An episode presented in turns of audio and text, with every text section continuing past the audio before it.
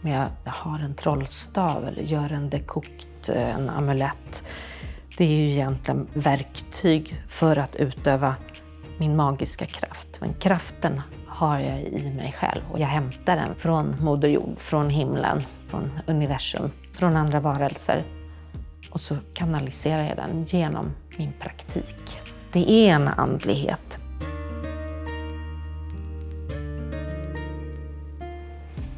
Jag heter Josefin Turesson Kämpe.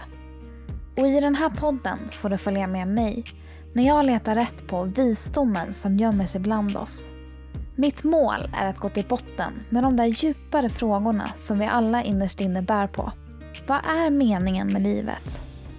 Vad är roten till våra samhällsproblem? Hur aktiverar vi vår fulla potential? Och hur blir vi lyckliga? Det här är Visdomsjakten och jag hoppas att den här podden ska ge dig inspiration till att leva ett medvetet liv, växa som person och hitta din grej. Vi gör den här resan tillsammans för en visare värld.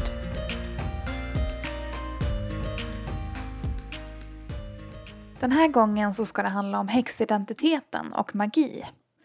Och det är något som jag själv har varit nyfiken på länge det började väl redan när jag var tio år egentligen och läste Witch-tidningarna och kollade på Harry Potter-filmerna. Och senare år har det blivit mer att jag reflekterat över kvinnorollen och hur kvinnors öden i historien kan tänkas påverka kvinnor i dagens samhälle. Och jag ser att det finns en allt större gemenskap med kvinnor idag som identifierar sig som häxor och utövar magi. Så därför tänkte jag att det var dags för mig att titta lite på det här. Är häxa bara ett annat ord för att leva i andlighet och intuition och stå i sin fulla feminina kraft? Eller är det något helt annat som jag inte har koll på? Vad menas med magi och hur funkar det egentligen?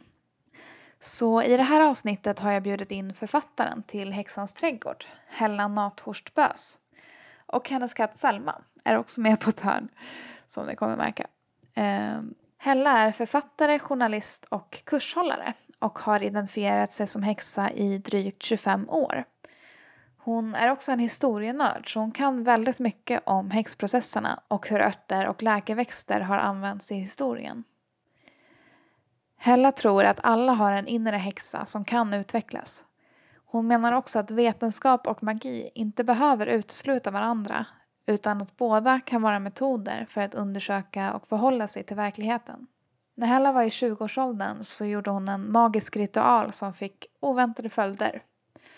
Hon lärde sig då att magi faktiskt funkar och är oerhört kraftfullt och kan påverka omgivningen både positivt och negativt. Och efter det så började hon rannsaka sig själv och sin intention mer. Något hon tycker är väldigt viktigt när man utövar magi.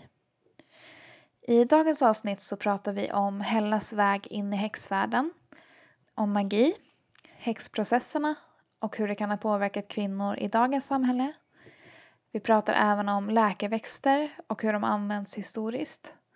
Hur magiskt utövande hör ihop med självrannsakan och självkännedom.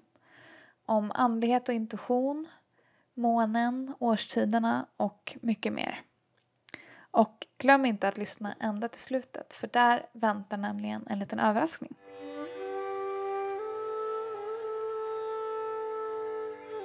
Välkommen till min podcast. Tack. och eh, du är ju för många känd som Häxans trädgård genom din sociala medier-kanal och via dina böcker. Då. Och du har ju blivit lite av ett ansikte utåt, pratade vi om häromdagen, mm. för häxorna. Vilket du kanske inte trodde för några år sedan. Nej, jag hade ingen aning om. Ingen önskan heller direkt. Det bara blev så. Ja, hur känns då det då? Jo, men det känns bra. Jag är extremt privilegierad som har möjlighet att föra vidare kunskap och också ja, mina åsikter och så. Det, jag går även in på politik och medicin och sådär. Och det har väl inte minst under pandemin då varit aktuellt och viktigt för att det har blivit som en polarisering där kan man säga i den här lite alternativa världen, eller den andliga världen och alternativmedicinska världen som jag delvis är med i. Den polariseringen, kan du förklara det? Vad menar du då? Ja, det pikade i december för drygt ett år sedan. Då hade jag sett under längre tid att massa människor i den här alternativa, nyandliga världen att det pågick liksom en, en strömning med människor som var antivaxers. Och nu vill jag säga att så alla som inte har vaccinerat sig är inte det jag menar med antivaxers utan då är de en del av den här rörelsen som också ja, en konspiratorisk rörelse som tror att ja, men det är allt möjligt från att eh, det är några få inflytelserika judar som har skapat vaccinet eller som vill tvångsvaccinera människor och då spruta in ett chip i dem. Um, jag blir eh, så engagerad och upprörd över det här för att det är liksom en rörelse eller kampanj som också liknar väldigt mycket häxprocesserna. Det vill säga, man utser en syndabock, för det var ju det man gjorde under häxprocesserna också. Och så piskar man upp vanligt folks åsikter och, och mm. rädslor. Under pandemin har det kanske varit särskilt lätt att göra för att vi har varit rädda och förvirrade. Mm. Och vill gärna ha en förklaring till varför vi plötsligt drabbas av allt det här onda. Mm. Och det är otroligt obehagligt. Ja, man har ju sett hur långt det kan gå liksom, om man tittar på historien. Ja. Intressant. Jag trodde inte vårt samtal skulle börja. Nej. Men, Men det, var, det var viktigt för mig då i december 2020 så var det bara så här, nej, det här är inte okej. Okay. Jag är inte en del av det här och det är inte okej okay för det här och det här och det här. Och bara för att man tror på magi eller eh, gillar att använda läkeväxter så behöver man inte eh, vara anhängare av det här. Mm. Så då skrev jag ett inlägg om det på mina sociala medier och eh, fick otroligt mycket både kommentarer men också privata meddelanden ah, från okay. folk som var jätteglada och bara så här, tyckte det var bra att jag satte ord på det. För de har själva känt så här, men vad är det här? Och kanske vänner och, eller folk som är med i samma grupper och sådär som, som plötsligt börjar liksom mm spåra ur åt det här hållet. För att man identifierar sig som andlig så ja. tänker man att man kanske tillhör den? Då, ja. Liksom. ja. Ah, okay. Men okej. Okay. Ansiktet utåt för häxor. Ja, jag skulle kunna säga att det är ett exempel på när jag har ett privilegium att jag kan sätta ord på det här och, och föra ut det, liksom den åsikten, det budskapet. Och också ett ansvar att lyfta fram sånt som jag tycker är mm. fel. Mm. Jag tänkte att eh, du skulle få förklara vad det innebär att vara häxa för dig och eh, lite av de största myterna som finns idag. Så mm. det var mm. två frågor där. Men... Mm. Jag kan börja med vad jag tänker om att vara häxa. Jag vill börja med att poängtera att jag tror att alla som identifierar sig som häxa har sin bild eller sina principer för vad det innebär. Något som kännetecknar häxor generellt tror jag är att vi inte gärna vill bli kategoriserade, så här inpetade i ett fack. Jag tror att i de flesta som identifierar sig som häxa så finns det liksom en så här, kärringen mot strömmen, en liten rebell som yttrar sig på olika sätt. Ja, för min personliga del så tänker jag att just det här som vi pratade om tidigare, att jag har svårt att vara anställd och ha en chef, det är ett symptom på det här. Så jag, jag måste få göra på mitt sätt, gå mm. min egen väg. Mm.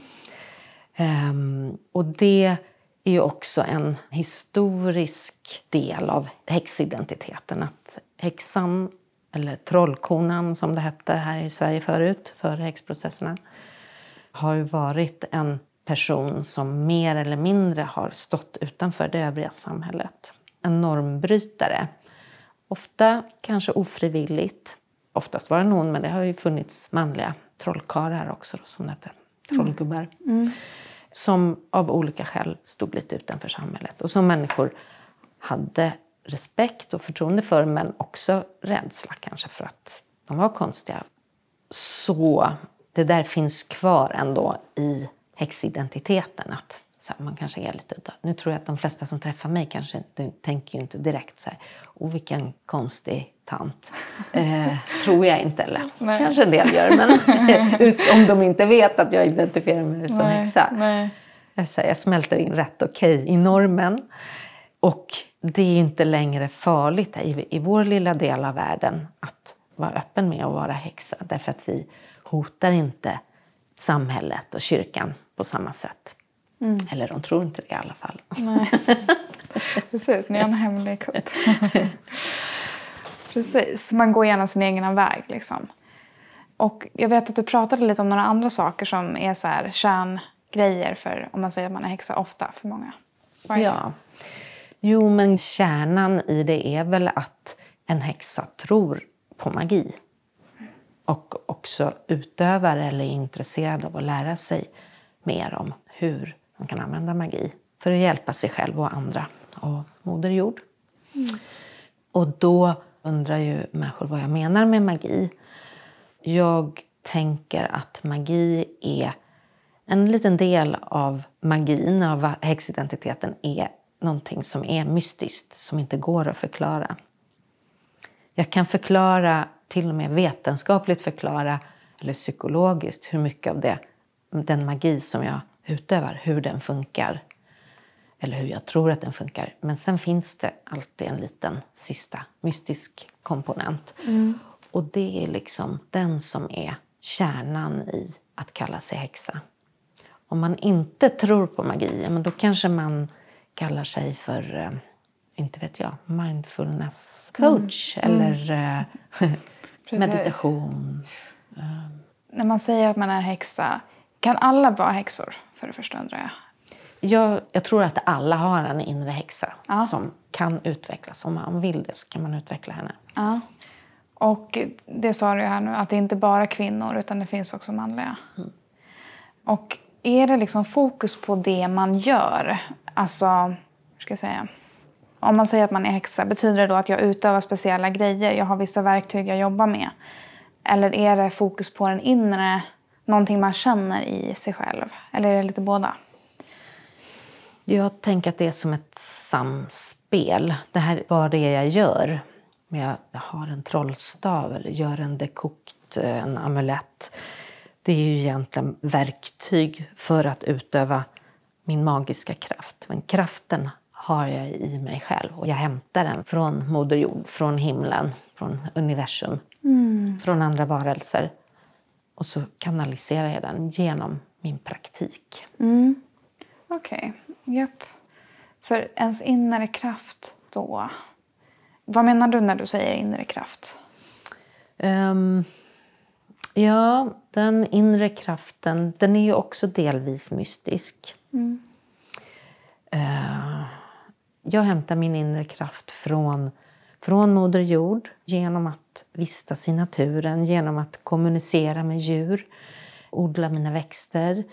Jag hämtar den från historien genom att, att forska i historien. Hur har människor använt magi tidigare? Jag är otroligt historieintresserad så för mig är det en viktig komponent. Jag tror att det är viktigt för alla som håller på med magi men alla är kanske inte lika historienördar som jag. Och sen så hämtar jag också min kraft från andra i den magiska gemenskapen med andra människor. Och den gemenskapen har jag också bakåt i historien med förelevande och, och kanske framåt också, men också med vänner och bekanta, som är magiutövare. Det är en otroligt eh, fin gemenskap. Men så den här kraften då kan laddas upp typ, eller? Ja, Eller? Ja, ja. den kan laddas upp. jag, jag försöker ju ha den alltid närvarande, lätt vara liksom medveten om den. Men i stress och, och så, så tappar jag ju också kontakten med den ibland, såklart. Och det är viktigt att, att ladda upp den med jämna mellanrum. Olika Men är det att man laddar upp den eller att man får lättare tillgång till den? Att den alltid finns där ändå? Både och. Det är lite som ett växelspel, tänker jag. Ja. Men då magi då. Du har vissa verktyg och ritualer och sånt du gör. Och använder vissa hjälpmedel i det. Men i grund och botten handlar det om att komma i kontakt med den här kraften. Kan man säga det? Och då är syftet att påverka positivt ens liv eller för Moder Jord eller andra människor eller levande varelser. Mm. Okej. Okay. Har du gjort något magiskt idag? Eh, ja, det har jag. Jag har hälsat på solen. Mm. Eller hälsat solen välkommen. Mm. Eh, jag har eh, satt på mig min amulettbrås. Nu tog jag av den här inför intervjun den skramlar. Men eh, ja, den ligger här. Och jag har tänt ett ljus för min mormor på mitt lilla altare. Mormor som gick bort här på julafton, som var det nu är, sex veckor sedan. Mm. Okay. Som var en viktig person. Och um, ja, så har jag pratat med min katt. Det måste inte vara magiskt att göra, men för mig är det det. Mm. Okej, okay, men så det, alltså när man säger magi så låter det så himla stort och så här flashigt. Men det kan vara väldigt små grejer man gör då för att komma i någon slags andlig kontakt. Kan man ja, säga så? För, att, för att påminna mig om att eller hålla den här kontakten levande mm. i princip, eller närvarande. Mm. Och varför är det viktigt? Jo, för att um, det hjälper mig att vara en bra människa. Eller en bättre människa än jag skulle vara annars. Mm. Och den hjälper mig att vara lite mer ödmjuk och hålla kontakten med Moder Jord också. Att uh, inte lika lätt trilla i olika fällor som konsumtion, begär efter materiella saker eller kickar. Mm. Mm. Sånt som vi människor ständigt liksom lockas av. Mm. Jag är ju ingen asket. Det gillar inte jag personligen att vara heller. Um, men jag blir liksom inte tillfredsställd av att konsumera ytliga grejer. Nej, det blir väl egentligen ingen innerst inne. Nej, men vi luras att tro att det ska göra oss lyckliga. Mm. Eller lite mindre olyckliga eller tomma. Ja. Och där, det, det, där är en, en viktig del för mig personligen, tänker jag, av, av min magi eller min häxidentitet. Att det är en andlighet. Att jag har formulerat den som min personliga andlighet. För att jag har lidit av en andlig tomhet. Och jag tror att många människor i väst gör det. Kanske speciellt här i Sverige. Vi är världens mest sekulära land. Mm. Vi har lägsta andelen troende, religiösa människor i världen. Mm. Och jag kan ju tycka det är bra eftersom jag är inte är största fanet av de stora världsreligionerna. Men det är en brist att vi inte uppmuntras att uh, formulera okej, okay, om du inte tror på en gud, vad tror du då på? Ja, då kanske många säger så här, jag tror på fred och demokrati. Ja, visst, det gör jag med, men det är inte en andlighet. Vad är en andlighet då? Ja, för det är ju svårt att säga och där måste ju var och en ha sin idé eller sin formulering för hur andligheten ser ut. Mm. För min del så är det ju då ja, magi alla de här delarna, praktikerna, liksom, affirmationer, och bön, meditation, eh, rökelse, mm. liksom, alla de här yes. lite mer så här, kanske materiella delarna, är viktigt av det. Men också just att tro på den här sista mystiska, oförklarliga delen. Det är väl liksom där andligheten sitter egentligen. Mm. Den tron på att jo, men det finns något mystiskt där kan hända att en dag kanske man kan förklara den mystiska delen också. Det vet jag inte. Men jag drivs inte av en så här, jag måste kunna förklara det också. Mm. Det är inte viktigt för mig, tvärtom. Jag tänker att den mystiska delen faktiskt hjälper oss människor att vara lite mera ödmjuka. Vi behöver liksom ständigt sträva efter det. Mm. Men okej, okay. andlighet då för dig. En påminnelse om och att hela tiden vara i kontakt med den här lite mer oförklarliga, större liksom, tillhörigheten? Eller vad, mm. vad ska och, och, ja. Det är ju en viktig del också, att jag tror och känner att jag är en del av något större. Mm. En gemenskap med andra människor, av universum. Mm. En del häxor kallar ju magin för en religion och har sina gudinnor och gudar. Och jag använder också gudinnor och gudar, men jag tror inte att jorden och människor är skapade av en gudinna eller en gud. Jag tror på the big bang och även på vetenskap som en bra metod för att undersöka verkligheten. Mm. Men den är inte bra för att undersöka magi. Nej. Precis. Men jag känner fortfarande inte att jag är riktigt klok på vad magi är. Nej. Det kanske är så det ska vara. Ja, jag tänker att det är helt okej att det är så. Många komponenter eller många verktyg inom magin är ju idag vetenskapligt förklarade och bevisade. Som meditation. Det är bara några år sedan som man kunde börja mäta att meditation är välgörande för människans hjärna. Det har ju häxor vetat alltid, men nu är det liksom bevisat. Ehm, affirmationer, som ju är besvärjelser är, använder man ju inom mindfulness idag. Många av komponenterna inom magi används ju också inom religionerna. Där har man ju också bön och affirmationer, men även rökelse, offer. ehm, mm. Alltså nu tar du upp lite så här exempel hur det kan användas och hur det kan ta sig uttryck magi.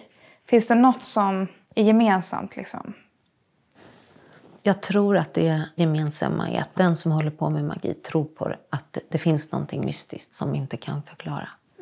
Och som man kan komma i kontakt med. Ja, och som vi kan använda för att påverka eller manipulera. Manipulera låter lite negativt. Det låter som att man lurar verkligheten. Men det är egentligen det vi gör, eller tror att vi gör. Ja. Spännande. Jag ska fråga dig lite mer om vad det är du har lyckats göra hittills. Men eh, jag tänkte att vi skulle gå tillbaka lite i tiden. Till eh, när du började bli intresserad av allt sånt här. Vad var det som hände? Minns du när allt började? Ja, jag tror ju att när vi föds och under barndomen så har vi en magisk syn på världen, på oss själva, på allt. Vi tänker ju, eller tror ju att allt är fyllt med liv. Och den tron skulle man kunna säga att vi häxor, eller åtminstone jag själv, lite granna har kvar eller har gett liv igen åt. Lite flummigt kanske, men i princip är det en animistisk syn på tillvaron som ju alla här, ursprungsbefolkningar har. Och, ja, att allt i naturen har ett liv. En själ kanske en religiös människa skulle säga, men jag säger liv. Och eh, den tanken gör ju att det är lättare att relatera till allt runt omkring. Till Moder Jord och till andra. Även till en sten man hittar på stranden. Men när började du känna liksom, dragning till... Ja, just det, där tappade jag tråden. Jo, men den, den, eh, om jag tänker tillbaka på mig själv när jag var barn så hade jag också den synen på allt. Och som barn har vi ju fantasin. Och du vet, så jag, jag trodde på fullt allvar att kanske att dockorna i mitt dockskåp faktiskt levde på natten. Och så jag tyckte att de hade flyttat på saker och sånt. Eh, just det tror inte jag på idag. Men, men jag har ett dockskåp. Ja, okej. Eh, eh, och eh, jag förnekade liksom den här andliga sidan. Jag vet att jag på mellanstadiet så höll jag på med ett par kompisar. Vi, då läste vi om vikingatiden och den fornnordiska religioner och tron och sådär. Och så blev vi väldigt så här, engagerade där och höll på och gick ut och offrade till Oden och Freja och sådär i, i parken där vi bodde och sådär. Och jag blev väldigt liksom, berörd av det. Och sen som ung vuxen så hade jag en längtan efter det men jag gav mig liksom inte tillåtelse att utforska det förrän ja, när jag var runt 25 egentligen. Och hur började det då? Liksom? Ja, det var eh, klassisk väg in i häxvärlden har jag förstått. Eh, jag var kär i en kille som jag tyckte skulle ägna mig lite mera uppmärksamhet eller ge sig hem vår kärleksaffär. Så gick jag och köpte en bok Vattumannens bokhandel som var den enda som sålde sådana böcker då. Ja. Eh, och Vad var det för bok? Eh, Den heter The Holy Book of Women's Mysteries. Då vill jag bara så här, trolla till mig kärlek. Hur gammal var du då? Då var jag 25. Okej. Måste jag varit. Ja. Men hade du liksom börjat dejta den här killen? ja, ja, vi dejtade. Ja, ja. Men han ville liksom inte riktigt gå all Nej, in? men han, nej, han ville liksom inte typ så här, men är vi ihop nu? Ja, men ihop och ihop. Okej, och då tänkte du nu jävlar får Nu jäklar. Och så eh, gjorde jag en eh, ritual som jag liksom utgick från en grej i den här boken. Kort tid därefter så ringde den här killen och undrade vad jag hade gjort. För då hade, hade han på väggen en foto på en tjej som han hade haft tidigare. Jag hade frågat honom så här, men du är inte dags att ta ner den där bilden nu för att vi ändå hade dejtat ganska länge. Och han var så nej men mm, så fint foto. Skumt. men det som hände i alla fall var att den här tavlan med det här fotot hade ramlat ner i huvudet på honom när han låg och sov. Och jag bara wow. Gud. Och Då blev jag väldigt rädd också. För att jag tänkte så att okej, om den här lilla ritualen som jag har gjort kan åstadkomma det här. Då måste jag verkligen vara försiktig och aldrig någonsin göra något som kan skada någon annan. Det var ju inte heller min intention med det här. Han fick ju ingen skada och jag tror inte att den här tjejen heller har råkat ut för något. Men då blev jag medveten om att det ändå liksom är otroligt kraftfullt och att jag måste vara väldigt försiktig med vad jag gör och vara klar över min intention också. Men det här var en ceremoni du lärde från den här boken då? Ja, Och minns du hur du formulerade det? nej. Nej, det var länge sedan. Men, Ja. men det var någonting med att du ville att ni skulle komma närmare i relationen. Mm. Och så slutade det med att den där tavlan ramlade ner. Mm. Och det var liksom konstigt att den ramlade ner. Det var ingen som kunde ha hänt ändå. Alltså, det var inte så att jag hade kollat hur hårt spiken var inspikad eller något sånt Nej, där. Men det var liksom, jag vet. Lite konstigt sammanträffande ja. Och, ja, det var precis när du hade gjort det också, eller? Ungefär. ja, några dagar senare. Ja, okej. Men då lärde du dig att det är kraft, krafter Det är att göra med. Mm. Vi blev ihop, vi har också barn tillsammans och sådär så att det funkade ju på så sätt. Mm.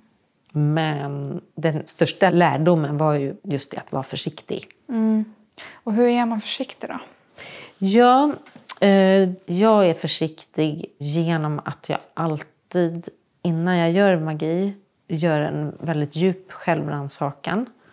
Liksom funderar på varför jag vill åstadkomma det här, som jag, min önskan som jag har.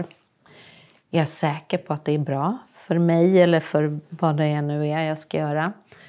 Kan det skada någon annan om det här inträffar? Skulle det kunna skada någon annan eller bara för, liksom, fresta på Moder Jords resurser eller vad det nu kan vara?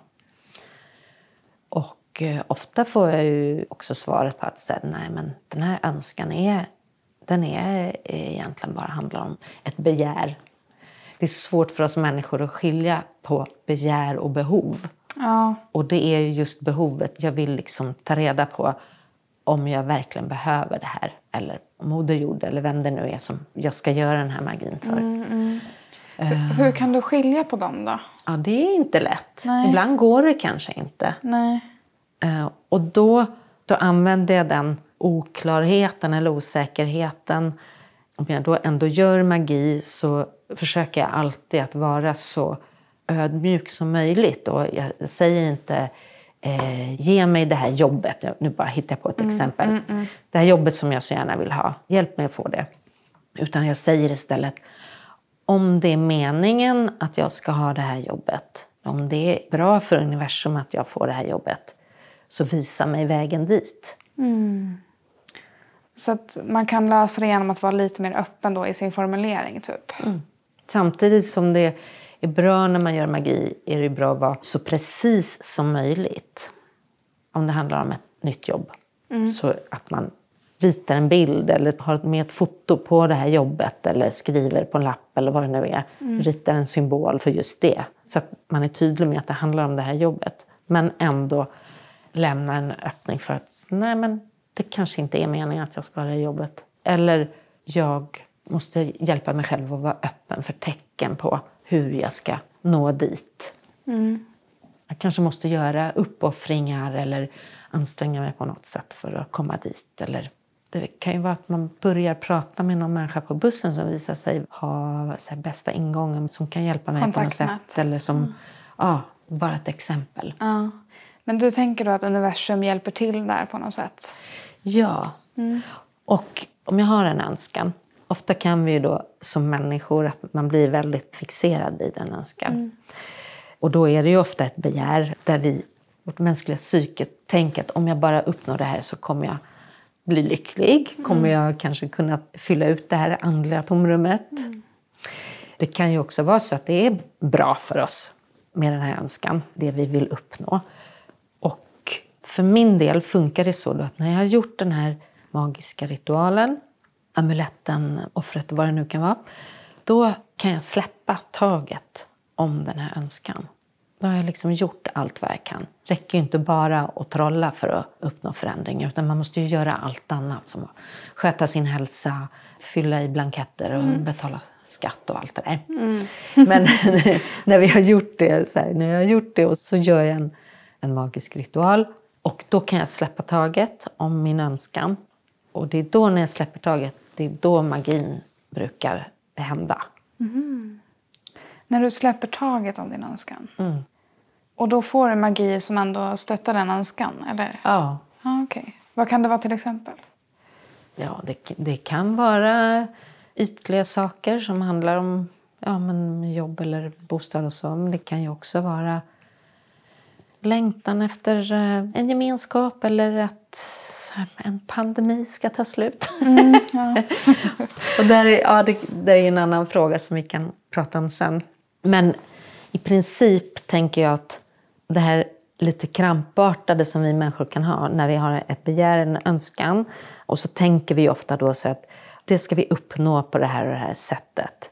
Och då får vi lite tunnelseende och det hjälper oss ofta inte. Nej. Okej, fokus är bra och vara målmedveten. Affirmationer, bla bla. Men ett för mycket tunnelseende, så då stänger vi ner vår intuition. Och då har vi en förutbestämd bild av hur vi ska uppnå de här målen och önskan. Och eh, ofta är det inte den rätta vägen. Utan det kan se ut på något helt annat, otippat sätt. Och det ser vi, vi missar det då. Vi använder inte vår intuition och då förlorar vi en massa magiska impulser och tecken. Ja, gud, jag kan verkligen relatera till det där. Men eh, när du gör den här självrannsakan då och ska skilja på begär och behov. Är det så att du väldigt ofta kommer på så här, ah, shit, det här är ju ett begär. Och sen lämnar du det där. Eller blir det så att du så här, försöker fortsätta ta reda på vad är det egentligen behovet under allt det här? Ja, alltså jag försöker ju gå så djupt som möjligt för att undersöka var önskan kommer ifrån. Men om jag då ser att det handlar om ett begär, om en ytlig begärstillfredsställelse, då släpper jag det. Och det är ju också väldigt uppfriskande och ett psykologiskt verktyg för mig att se till att jag gör den här självrannsakan så att jag kan släppa de här begären. Intressant. Men kan det vara en intention till exempel att bli mer kärleksfull mot sig själv eller att komma närmare andra i relationer? Eller? Absolut. Ja. Okej.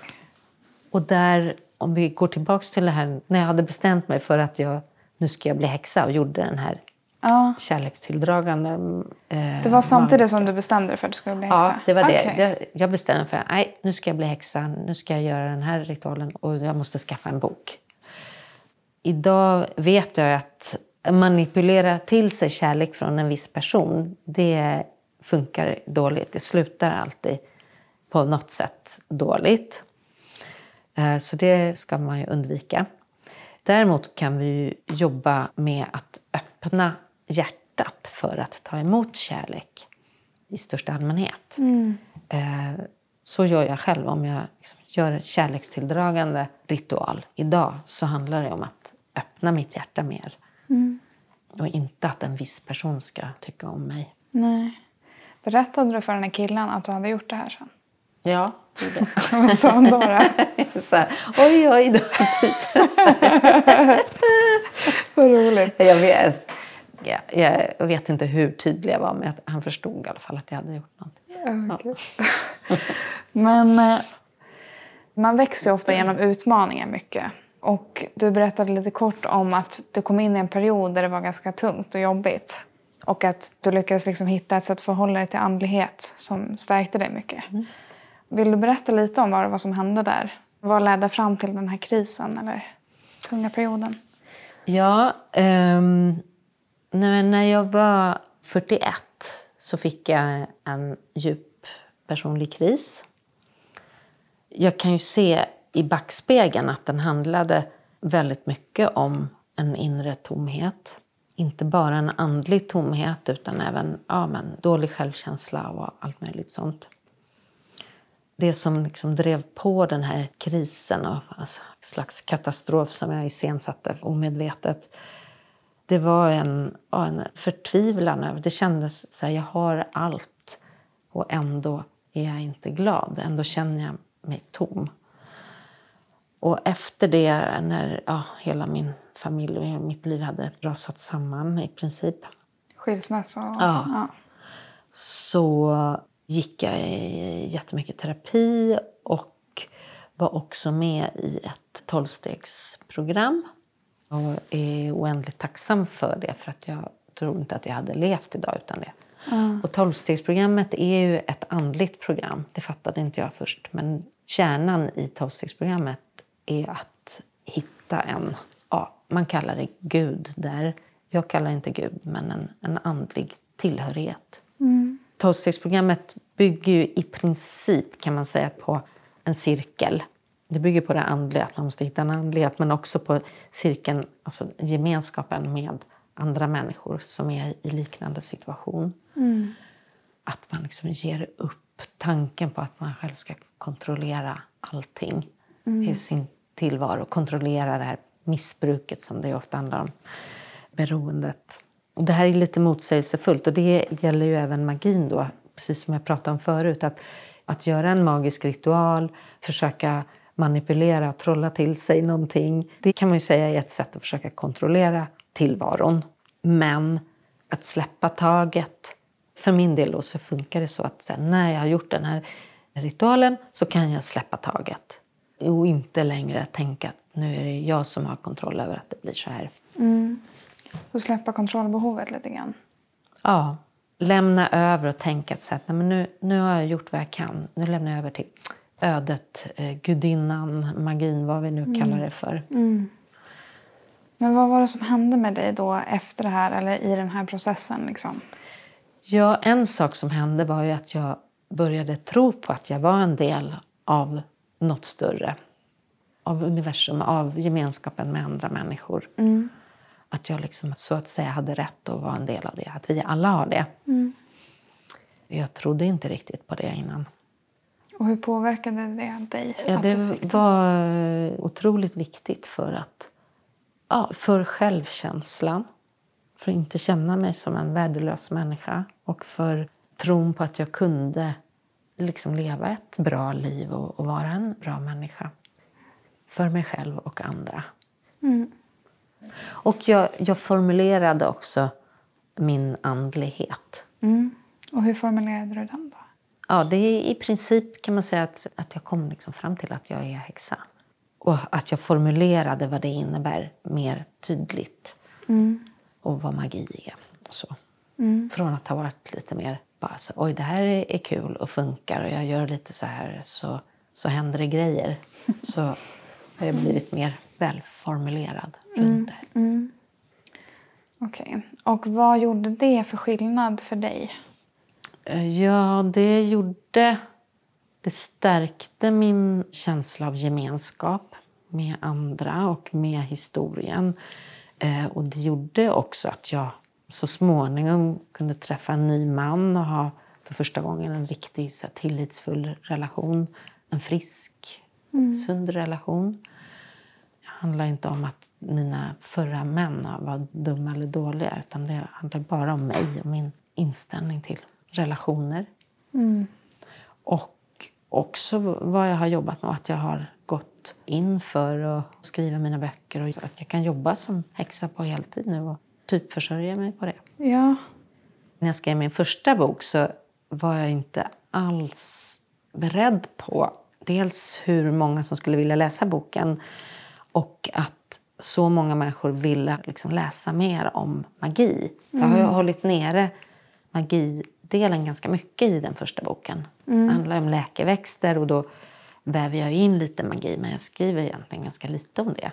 Men när jag är ute och håller föredrag och har mina workshops och, och så och, och de följande böckerna så märker jag ju att folk vill egentligen mest veta om magi och vad det innebär att vara häxa och så.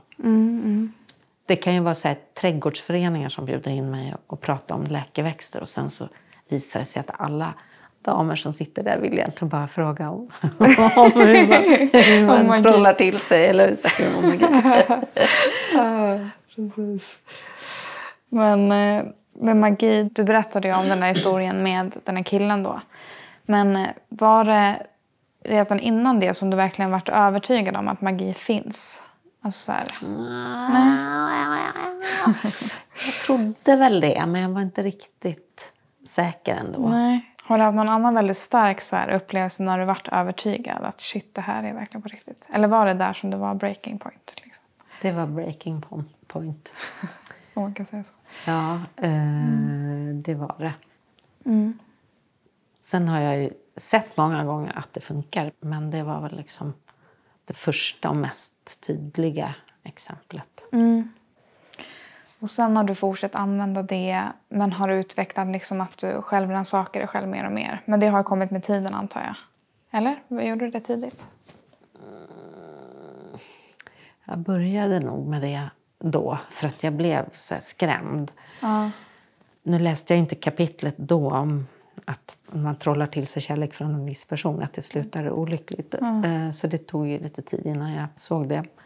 Nej, men jag började nog ändå ganska mycket med självrannsakan. Men det har blivit mer och mer. Och det är till och med så att det kanske är en, en av de viktigaste delarna. Eller så är det. Det är en av de viktigaste delarna av magin nu tycker jag. Att, att det hjälper mig med självrannsakan.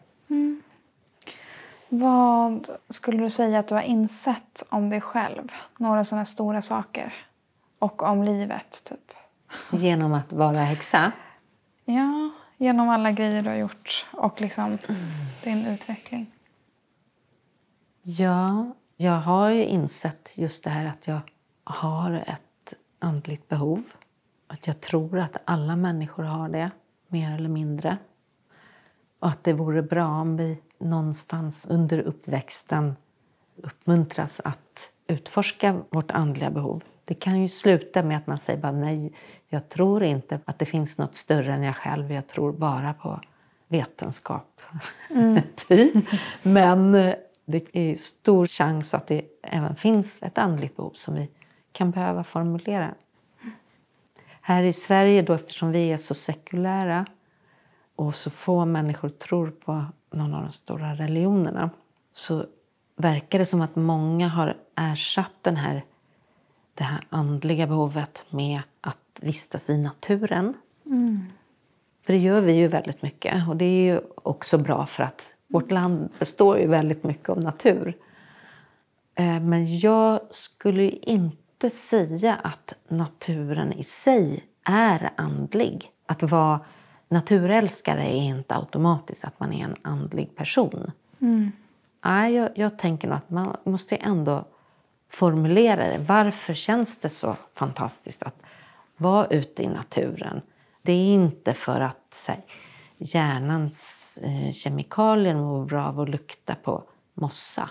Det är liksom inte det som är svaret, utan det är för att naturen påminner oss om att vi är en del av naturen, universum.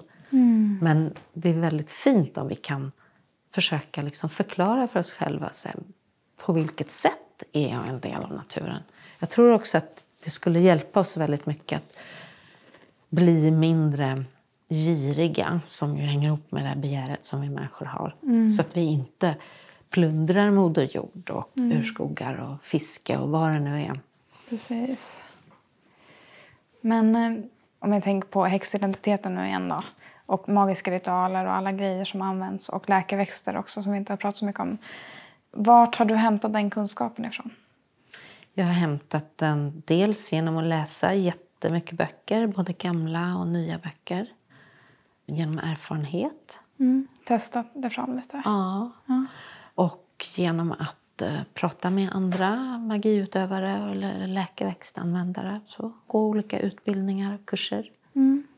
När du upptäckte det här med läkeväxter och allting, vad kände du kring det när du började läsa mer och mer om läkeväxter? Mm. Jag hade ju använt läkeväxter i magiska ritualer. Liksom, om du köper en bok om magi och ska göra en ritual, som till exempel det här jag gjorde då, den här kärlekstilldragande grejen, så ingår det nästan alltid växter. Och jag hade liksom inte riktigt fattat varför. Jag har alltid gillat, det, jag har hållit på med krukväxter och så, men jag är ingen naturmänniska från början. Jag är uppväxt i stan och har inte haft något trädgård förrän för tiotal år sedan. Eh, så det har kommit via magin faktiskt. Så ju mer jag började läsa om läkeväxter och hur de funkar och så, desto mer viktiga fattade jag att läkeväxter har varit för oss människor. Och vilken roll de har spelat både inom magi men också medicin och människans utveckling. Och också vilken roll de har spelat i häxornas historia och häxprocesserna. Mm. På vilket sätt var de viktiga? Ja, um, man vet ju ganska mycket om häxprocesserna, hur de började och vad som hände egentligen. Mm. Särskilt här i Sverige för att det finns väldigt mycket dokument bevarade från de svenska häxprocesserna. Alla vittnesmål och sådär. Mm. Tiotusentals handskrivna sidor. Men hur som helst så vet man hur häxprocesserna satte igång. Och det var ju i eh, Tyskland egentligen. Det började med att påven skrev en bulla, påvens lagbrev, som ju gällde som lag i alla europeiska länder som ju var katoliker då. Det var 1478 eller något sånt. Och i den här bullan slog påven fast att det finns häxor det står i Bibeln också. Det står i Bibeln att en trollkona ska du icke låta leva. Mm. Men man hade inte tagit så hårt på det. Alla människor gick till kloka gumman eller gubben. Hon var lite konstig och, och kanske i maskopi med djävulen men det var ändå henne man gick till. Hon var barnmorska också så man behövde hennes hjälp. För det var, barnmorskan och kloka gumman var ofta samma person. Mm. Påven skrev i den här bullan också att häxor oftast var kvinnor. För att kvinnor var mindre fasta i sin kristna tro. Därmed lättare för djävulen att så här, leja till medhjälpare. Mm. Och han slog fast att fostret får en själ i befruktningsögonblicket. Det var väldigt viktigt. I själva verket var det det som häxprocesserna gick ut på, menar vissa historiker och jag är också anhängare av den teorin. Fram tills dess så var det socialt accepterat på de flesta håll i Europa att göra abort tidigt under graviditeten. För att man menade att fostret fick en själ när det kvicknade. Det är när den gravida kvinnan känner fostrets rörelse i livmodern. Mm. Det brukar vara i fjärde, femte månaden ungefär. Och fram tills dess så var det inte en synd mm. att göra abort. Och vem var det som visste hur man gjorde abort? Jo, det var kloka gumman, barnmorskan. Det var också hon som visste vilka örter det var örter då som man använde för aborten. Och det mm. var relativt säkra aborter ofta. Om man jämför med senare metoder med vassa verktyg och sånt där. Så mm. Förstås inte lika säkert som en abort idag på sjukhus, nej, men, nej. men ändå. Mm, mm. Och eh, från och med nu så blev det då helt förbjudet med abort. Mm. Och varför tyckte påven att det var viktigt? Jo, för att det fanns för lite människor i Europa. På 1300-talet så dog nästan hälften av befolkningen i Europa. Och bondgårdar och herresäten stod där med för lite arbetare och bönder som skulle bruka jorden och ta hand om boskap och sådär. Så för att få upp födslotalen då gällde det att kontrollera kvinnans reproduktion och sexualitet. Mm. Och det gjorde man då genom att sätta dit barnmorskorna, kalla dem för häxa, och förbjuda abort. Mm. Och det här är ju en, en idé då om att fostret får en själ i befruktningsögonblicket som abortmotståndare använder än idag. Mm. Det är liksom ut vad man skulle framea barnmorskorna då, slash kloka gummor, vilket blev sen att man brände häxor då. Mm. Ja. Men det kloka gummorna också gjorde var att de använde örter för smärtstillning under förlossning. Och underlätta förlossning också genom att man drack vissa örtteer och så. Mm.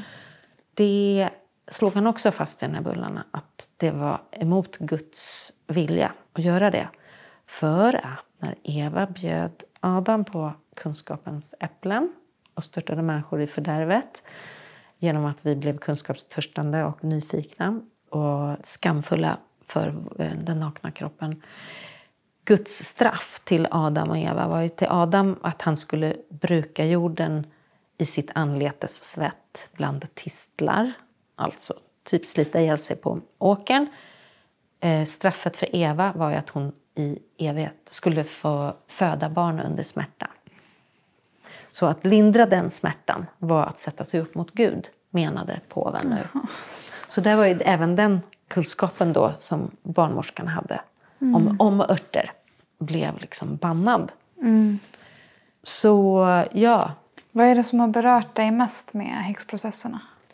Um, jo, det är insikterna om att det var en smart genomtänkt misogyn kampanj som gick ut på att hårdare kontrollera kvinnans kropp, degradera hennes roll i samhället, kontrollera hennes sexualitet och eh, fortplantning. Mm. Det hade inte bara med att göra att man ville få upp befolkningstalen utan det var också att det pågick väldigt stora förändringar i Europa, eh, ekonomiska politiska förändringar där små furstendömen förvandlades eller blev som, till större, det som vi idag kallar nationer med kungar som hade större och större länder under sig som de regerade över. Allt fler bönder fick en egen bit mark att äga och bruka. Mm. Tidigare hade det ju varit första då adelsmän som ägde all mark och så hade de haft bönder som var mer eller mindre livegna som jobbade åt dem. Mm. Men nu blev det fler och fler som ägde en gård, en, en bit mark som de odlade. Och då blev det plötsligt intressant att veta vem som skulle ärva gården. Det var ju oftast den äldsta sonen. Så det blev viktigt att veta vem som var far till barnet. Det vill säga mannen som kvinnan var gift med. Så då måste man kontrollera att inte hon hade varit otrogen innan. Mm. Säkert ville ju män innan dess inte heller att kvinnan skulle vara otrogen. Mm. Men nu fick det här inte bara en känslomässig koppling utan handlade även om ägandet. Ja. Tror du att det har påverkat kvinnor i dagens samhälle, allt det här som har hänt? Det har påverkat väldigt långt. Alltså det påverkar än idag hur kvinnor har det, kvinnorollen och synen på kvinnans sexualitet. Även på medeltiden hade ju kvinnor sämre juridiska ekonomiska rättigheter än män. Men under häxprocesserna och så tiden efter medeltiden så försämrades kvinnans plats i samhället ganska mycket. faktiskt. Mm. Skapa en stor rädsla också för att vara annorlunda kanske? Absolut. Och det såg man ju under häxprocesserna också. att Det var kyrkan som initierade häxprocesserna och så rädslan för häxor. Efter det här påbudet från påven då så präster ute i byarna började predika om häxor och att det fanns häxor att man skulle vara vaksam mot dem. Och det blev ju snabbt en ryktesspridning. Och eh, det funkade ju också som ett, inte bara ett sätt att fånga in och avrätta häxor utan också väldigt mycket som social kontroll. Och det var kanske det som var syftet också då med den här misogyna kampanjen. Eh, att människor skulle hålla sig på sin plats. Och inte bara kvinnor utan även män. Det som hände här i Sverige då, det var att allt som gick dåligt, om vi säger på en bondgård, om en bondmora fick sämre med mjölk som en säsong, en, en sommar. Det var katastrof, det kanske innebar att de skulle svälta sen på vintern.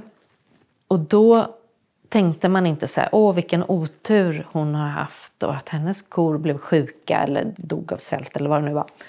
Utan genast tänkte man så här, det är någon annan här i byn som har utsatt mina djur för trolldom. Och vem är det då? Jo, men då är det ju en, en häxa. Så, och så hade man sina misstankar. Och ofta var ju det enda beviset var att något av barnen sa att de hade sett den här grannkvinnan då i Blåkulla när de hade blivit förda dit av den här kvinnan eller av någon annan kvinna. Det var mycket barn som pekade ut olika kvinnor. Mm. Kanske mm. efter order från sina föräldrar. Och genom en rädsla. Så väldigt snabbt fick ju också människorädslan. Alltså, om inte jag anger någon så är, är risken att det är jag som blir utpekad sen. Ja. Så det var ett sätt att liksom klara sig från att bli utpekad. Vilket piskade på den här hysterin väldigt mycket. Mycket rädslor då, alltså verkligen. Mm. Men vad var det jag tänkte på? Ordet häxa, jag känner att jag har en liten annan bild av det nu. Eller att jag nästan själv känner mig som en häxa också. Men eh, jag tänker typ det här med intuition till exempel. Kan Intuition? Man, ja. Mm. Kan man inte säga att det är lite förknippat med att vara häxa också? Absolut, det är det ju. Och eh, det finns ju liksom inget vetenskapligt bevis på att intuition finns eller mm. att det funkar. Mm. Men eftersom jag är häxa så tror jag ju att det finns mm. och också att det går att träna upp den. Det har jag själv jobbat ganska mycket med. Mm. Som jag nämnde tidigare, att, att krampa vid en önskan eller en idé hjälper inte intuitionen utan då måste vi släppa taget först. Det hjälper i alla fall. Mm. Och eh, ja, meditation hjälper. Mm. Vara närvarande så att vi lättare uppfattar små signaler som vi inte skulle uppfatta annars. Och sen finns det olika trick för att, små manifestationer man kan göra för att öka intuitionen. Ibland kan vi kanske vilja stänga ner den. Om vi är så mm. högkänsliga så kan det ju bli ja. överväldigande med för mycket intryck och information. Så vi kanske vill stänga av det där lite grann. Är du känslig för sånt? Jag är ganska känslig för sånt jag tror inte att jag är född med någon här, övernaturlig förmåga eller jag är inte superhögkänslig, men relativt högkänslig. Mm. Hur stänger du ner det då? då? Uh, ja, då brukar jag stänga ner det. Uh, det var ett litet trick som jag lärde mig av när jag gick till ett medium för massa, massa år sedan. Mm. Då frågade jag henne det, för att hon såg så himla mycket saker då sa jag så här, men det måste ju vara jobbigt för dig att bara se allt det här om människor och allting hela tiden. Men då sa hon att hon visualiserar en, som en eh, dörr som hon kan så här, öppna och stänga, sänka ner eller höja upp. Visade så här framför magen. Mm. Och det är ju där vi pratar om magkänsla, så det är ofta i magen som de flesta brukar säga att det är där intuitionen sitter. Mm. Så det brukar jag tänka. Jag kan också visualisera en bubbla runt mig själv om jag behöver mer som ett beskydd. Eller, ja. mm, mm. Som ett litet filter. Mm. Ja, bra, bra tips. En viktig grundsten kan man säga som magin vilar på, åtminstone min magi och den gemenskap som jag är med i, det är ju cirkeln.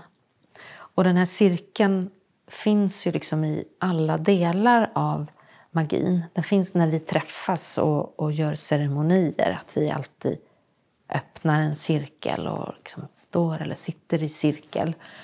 Och det här är ju som en bild av att alla är där på samma villkor, att alla är lika mycket värda. Mm. Och att vi inte egentligen har en ledare.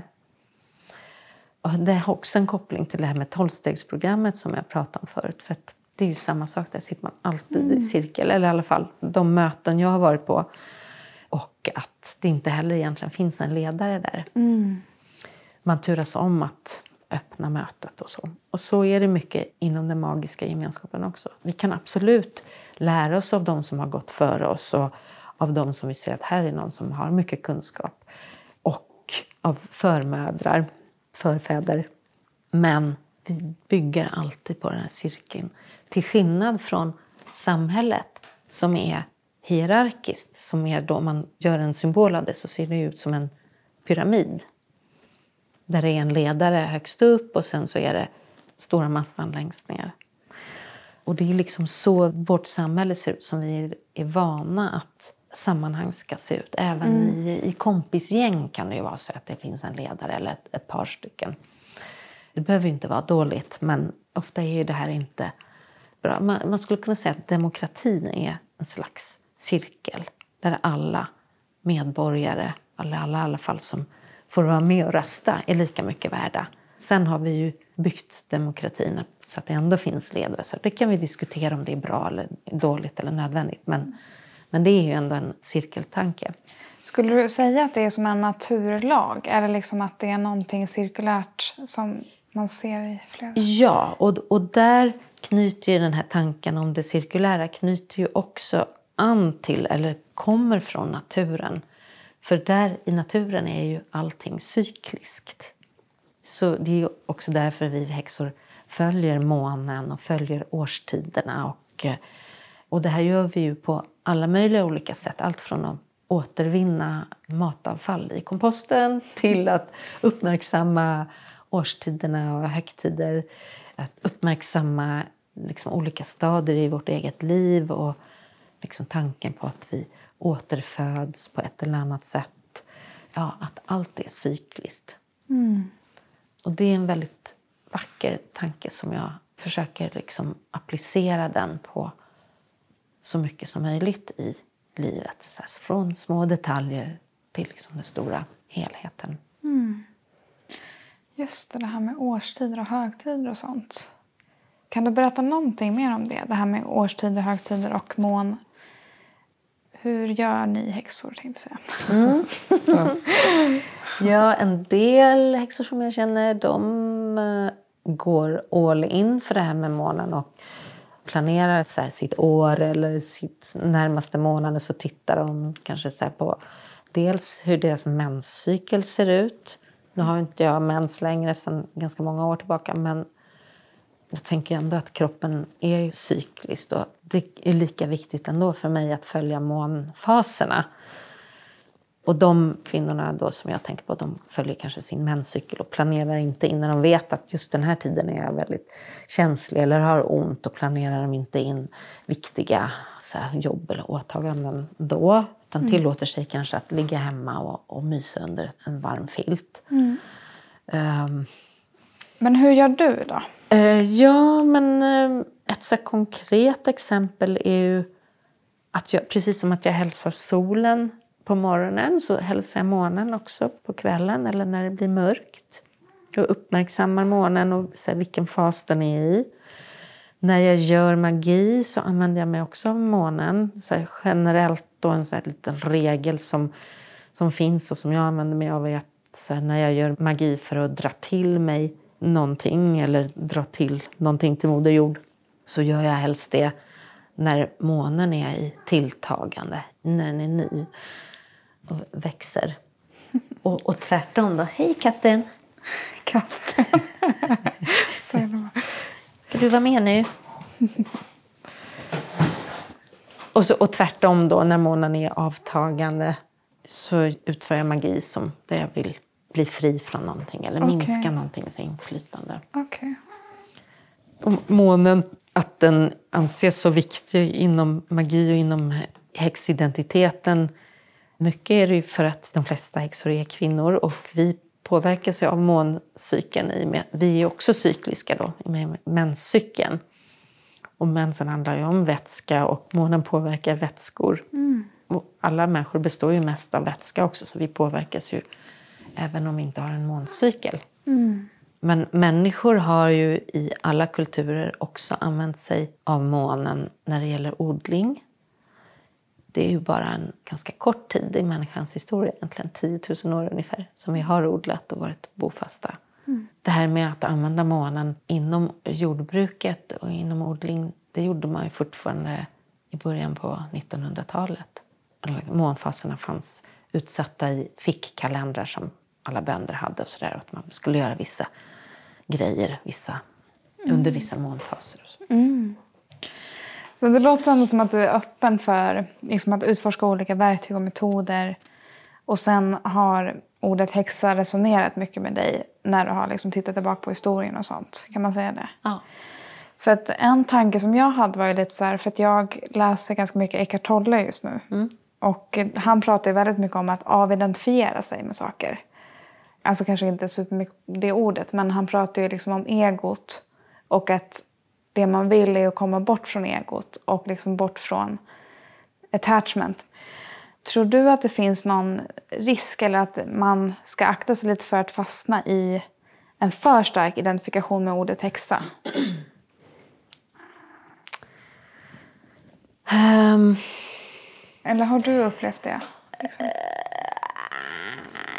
Det kan jag inte riktigt påstå. Jag tänker efter här nu.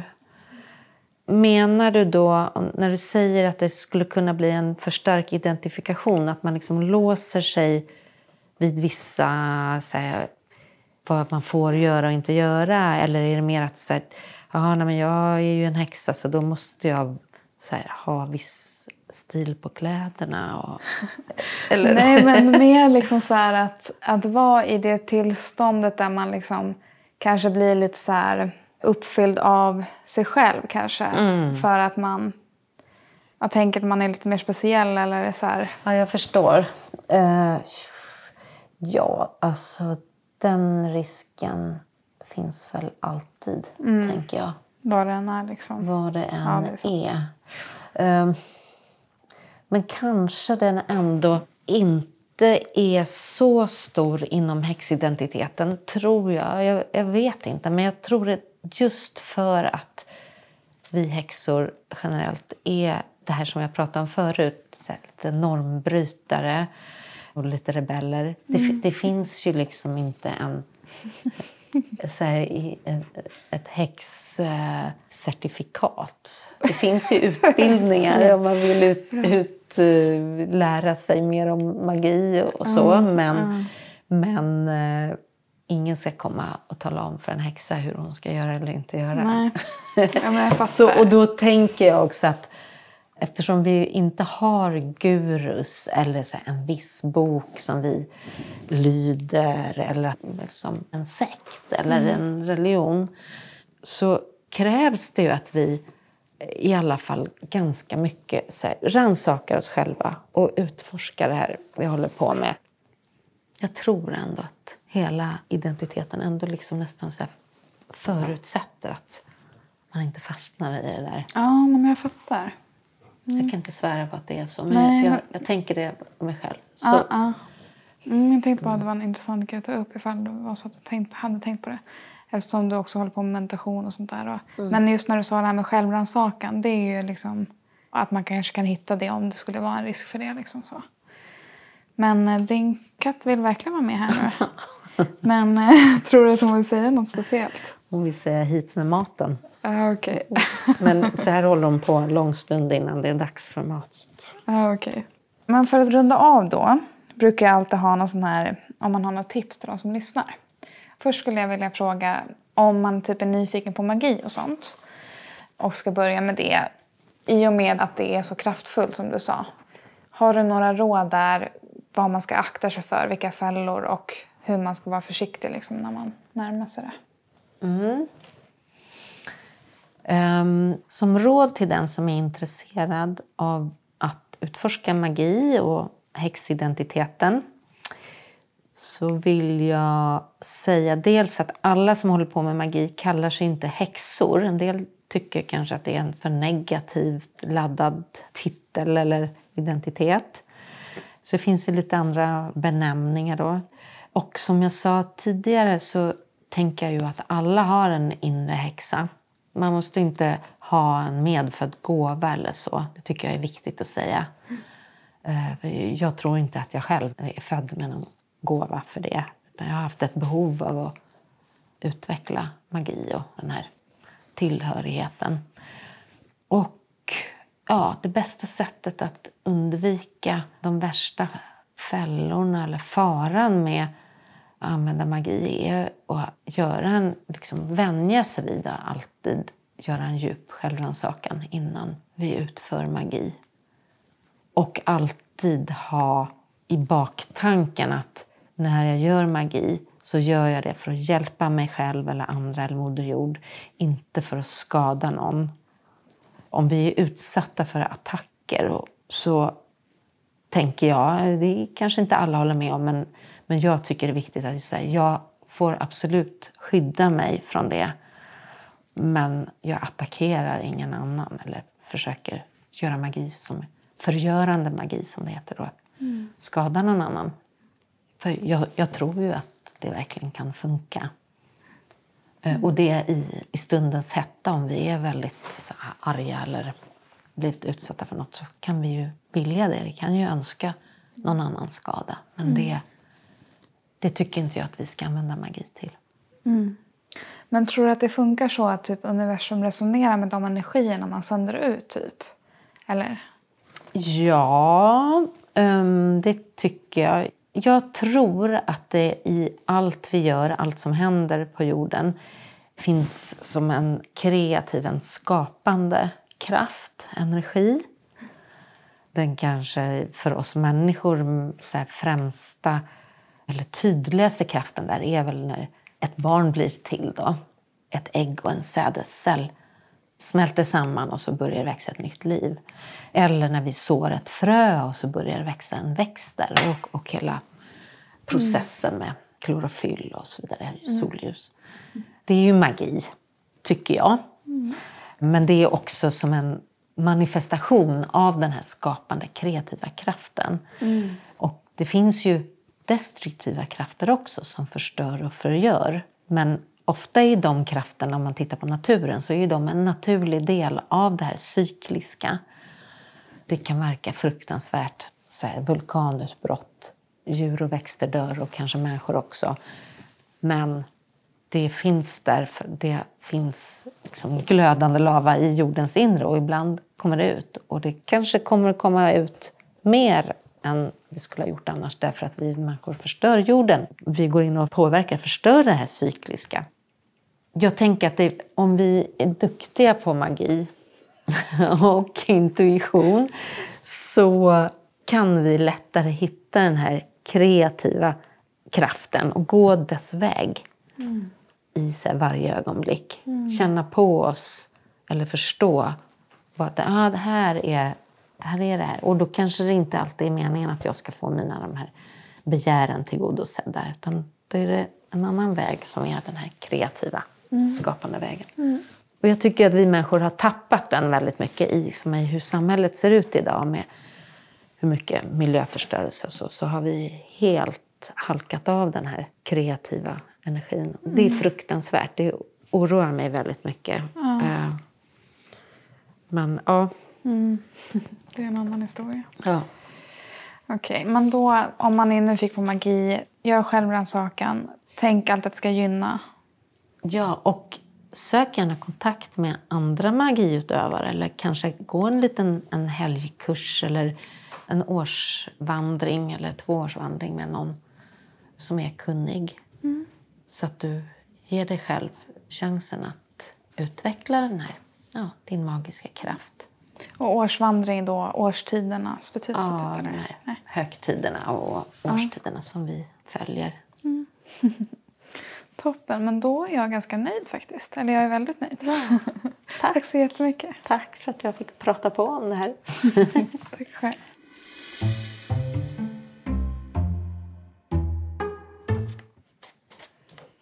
Här.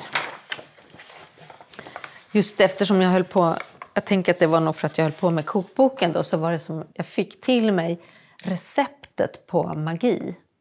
Vad, vad består Vad är ingredienserna egentligen i magi? Mm. Kontra ingredienserna i en världsreligion. Och då så här, vaknade jag mitt i natten, när, mitt när jag höll på och eh, var nästan klar med min kokbok. faktiskt bara så här, nu har jag kommit på det. Det här låter kanske lite löjligt, men då insåg jag, såg jag receptet på magi. Eh, jag, läser det här ur min egen kokbok. En skeppa uråldrig visdom. En näve psykologi. En näve kontakt med Moder Jord. Ett skålpund meditation. Ett skålpund lust. Ett lod mystik. Tre nypor medicin och annan hälsosam vetenskap. Värm ingredienserna i kittel och smaka av med en gnutta humor. och sen så här, kontra eh, recept på en världsreligion. En kanna magi blandas med lika delar hierarki, skam, skuld och rädsla. Tillsätt ett stort kvinnoförtryck och kallrör till en grumlig soppa. Fan vad bra. Det var som en så här A4 bara. Så här, så här är det. Och det man har gjort i världsreligionerna är att då har man tagit meditation, bön, som ju är besvärjelser är ju en, en sorts bön. Offer, när man offrar till helgon eller eh, så här, dricker Jesus blod och äter hans kropp. Det är ju 100 procent magi. Det har man ju gjort i, i ursprungsbefolkningar och här, i de gamla magiska traditionerna. Så det har de ju liksom bara anammat eller annekterat inom kristendomen. Eh, och rökelse, liksom. Hallå? Så det, det har människor använt i alla tider. Redan neandertalarna använde rökelse, har man sett i så gamla gravar och utgrävningar. Det finns ju tanken i den kristna tron att rökelse gör det lättare. Det är som ett magiskt skikt där man lättare kommer i kontakt med guden och med sitt andliga jag. Och det vet vi ju också. Mm, vet ju alla häxor att rökelse funkar jättebra för det. Och rening och så. Ja, Ja, men tack ja, för det det var det. lilla inspelet. Ja, men det var ju skitbra. Du har lyssnat på Visdomsjakten med mig Josefin. Mer info om Hella Nathorstbös och hennes böcker hittar du på Haxans tradgård. på haxanstradgard.se Alltså häxans trädgård med utan ö och ä och å. Och i nästa avsnitt så träffar jag Johanne Linstad som studerat buddhism i många år och träffat Dalai Lama bland annat. Hon har ett speciellt band och förhållande till naturen och har haft väldigt starka andliga upplevelser som hon berättar om. Bland annat som hon fick då hon gick vilse en vecka i bergen i Indien. Och det här blev ett riktigt spännande samtal på många nivåer. Vi pratar också om ätstörningar har du ännu inte prenumererat på mitt nyhetsbrev så finns en länk i avsnittsbeskrivningen. Där finns också en länk till min Patreon där du kan stötta mitt arbete med Visdomsjakten. Hoppas du har det bra där ute. Glöm inte att du är helt fantastisk och att vi alla vandrar här tillsammans.